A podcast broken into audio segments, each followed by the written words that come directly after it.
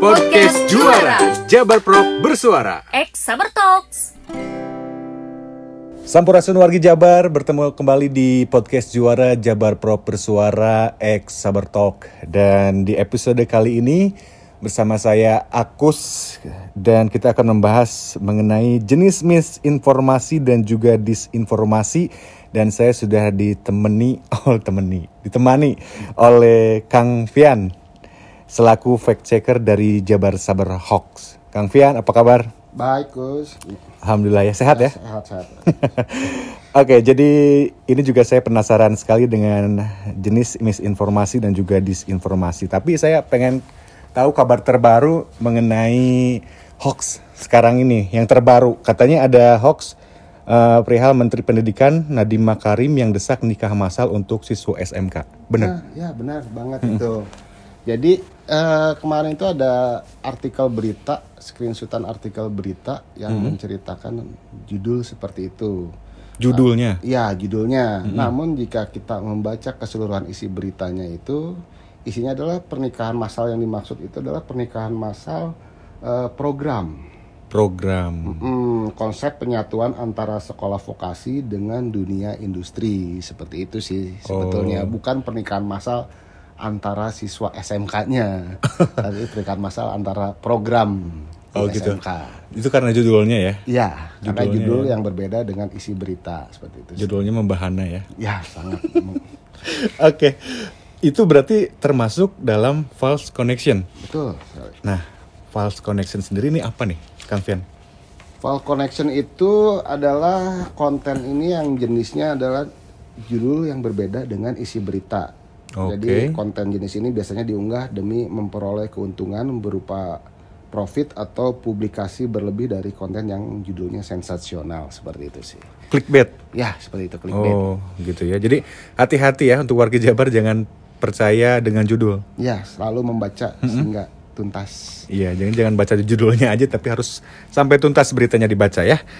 Oke, ini kalau misalkan kita lihat mengenai postingan ya di sosmed JSH ya, selalu ada keterangan berbeda nih. Sebenarnya apa aja sih jenis misinformasi dan disinformasi? Itu ada berapa juga, Kang Fian? Oh itu kita membedakan menjadi tujuh tipe. Tujuh ya? Tujuh. Nah, yang pertama itu kita ada namanya satir atau parodi. Satir dan parodi. Ya. Kemudian ada yang namanya misleading content atau konten yang menyesatkan. Kemudian ada imposter content atau konten tiruan. Kemudian ada false connection yang tadi sudah kita jelaskan, koneksi yang salah. Wah, Ada false context, konteks yang keliru.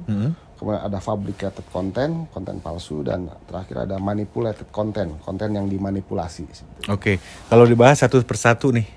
Eh, yang pertama yaitu fabricated content, konten palsu. Ya. Contohnya gimana, Kang Fian? konten palsu itu konten yang benar-benar eh, 100% apa ya dibuat gitu loh Eh, Oke. tidak bisa udah benar-benar hoax gitu ya jadi kayak misalnya berita lowongan kerja Mm-mm. kasus Ratna Sarumpait itu pun yang waktu itu Iya, iya. sempat viral itu termasuk dalam fabricated content fabricated content ini termasuk konten hoax yang level apa ya parahnya itu tertinggi seperti itu sih Hmm, kontennya palsu, palsu sangat palsu beritanya ya. palsu. betul Oke. Yang kedua ada false connection tadi udah dibahas, sudah ya. Kemudian ada lagi false context atau konteks keliru. Ini perbedaannya gimana nih dengan Ah. yang tadi di awal? False context ini biasanya antara gambar dan judul itu atau narasi itu berbeda. Ya ya ya. ya. Misalnya gambar kejadian di Filipina tapi narasinya itu kejadian seolah-olah terjadi di Indonesia. Oh ya, yang kemarin ada yang wa- waktu apa ya? Lagi gencar-gencarnya Covid, Mm-mm. yang ada mayat berkelimpangan. Oh ya betul. Gambarnya itu padahal bukan di sini ya. Bukan seperti itu kasus-kasus seperti itu atau Iya, iya. lagi viral kan kan kasus-kasus PKI. Ada isu tentara PKI bangkit di Indonesia dengan foto tentara berlambangkan Palu dan Ari ternyata setelah kita cek itu berita di Filipina sebetulnya. Oke, jadi gambar dengan beritanya beda. Beda. Oke, itu yang disebut dengan false context atau konteks keliru. Ya. Ada lagi yaitu manipulated content atau konten manipulasi. Ini seperti apa ini? Konten manipulasi itu biasanya eh, ada gambar-gambar dari tokoh atau siapa pun itu yang dimanipulasi untuk eh, di, dimanipulasi atau diedit dengan tujuan untuk mengecoh publik seperti itu sih. Jadi yang benar-benar gambar diedit segala macam. Mm-mm. Jadi Ya gambar-gambar yang diedit sih manipulasi. Jadi gambar yang tadinya memakai baju polos tiba-tiba menggunakan baju yang bergambar apa itu. oh, diedit gambarnya. Nah, diedit gambarnya. Siap. Eh, terus eh, banyak ya ternyata ya jenis-jenisnya. Ada juga satir dan atau parodi. ya, Ini gimana maksud parodi? Satir parodi. Hatir atau parodi sebenarnya sih bukan hoax yang berbahaya sebenarnya itu hanya untuk semacam meme atau lucu-lucuan atau apa cuman kan tidak semua orang bisa menangkapnya itu sebagai satir atau parodi ya. Jadi satir ini tidak termasuk konten yang membahayakan akan tetapi sebagian masyarakat kita itu masih banyak yang menanggapi informasi dalam konten tersebut sebagai sesuatu yang serius itulah yang Oh yang iya. berbahaya sih Sebenarnya niatnya lucu-lucuan, Nah. tapi dianggapnya serius. Nah, jadi ada yang baper lah Oh iya ya bahaya ya. Oke, misleading content apa nih? Konten yang menyesatkan. Misleading konten itu eh, pelintiran informasi gitu untuk menjelekan atau menjatuhkan seseorang maupun kelompok. Konten jenis ini dibuat secara sengaja dan diharap untuk menggiring opini sesuai dengan kehendak pembuat informasi. Oke. Terus ada lagi yaitu imposter content, konten tiruan. Ya, imposter konten ini jika sebuah informasi mencatut pernyataan tokoh terkenal dan berpengaruh. Jadi contohnya? tidak cuma perorangan, eh, konten palsu ini juga bisa berbentuk konten tiruan dengan cara mendompleng ketenaran suatu pihak atau lembaga. Misal eh, ada suatu meme, misalnya Albert Einstein gitu ya berkata dengan tulisan, foto dikasih tulisan, jangan percaya semua yang ada di internet. Kan Albert Einstein belum ada internet zaman zaman Albert Einstein Oh iya iya. itu kan semacam termasuk imposter konten itu contoh-contoh ininya lah bisa juga masuk ke satir atau parodi sih seperti itu tapi kan banyak Iya. sekarang yang tokoh-tokoh publik dikasih narasi seolah-olah dia yang mengucapkan seperti itu Oke, jadi ini semua kategori ya yang ada atau yang dimaksud dengan misinformasi dan disinformasi, ya itu ada tujuh tadi ya? Ya, betul. Totalnya ada tujuh. Ini sering ditemukan sering dan eh, Kang Fian selaku fact checker sering ba- banyak menemukan ini ya banyak banyak di eh, media ya atau di internet. Betul, Oke. betul. Nah, sebenarnya siapa sih yang eh, punya ide atau siapa sih awalnya yang mengkategorikan jenis tersebut?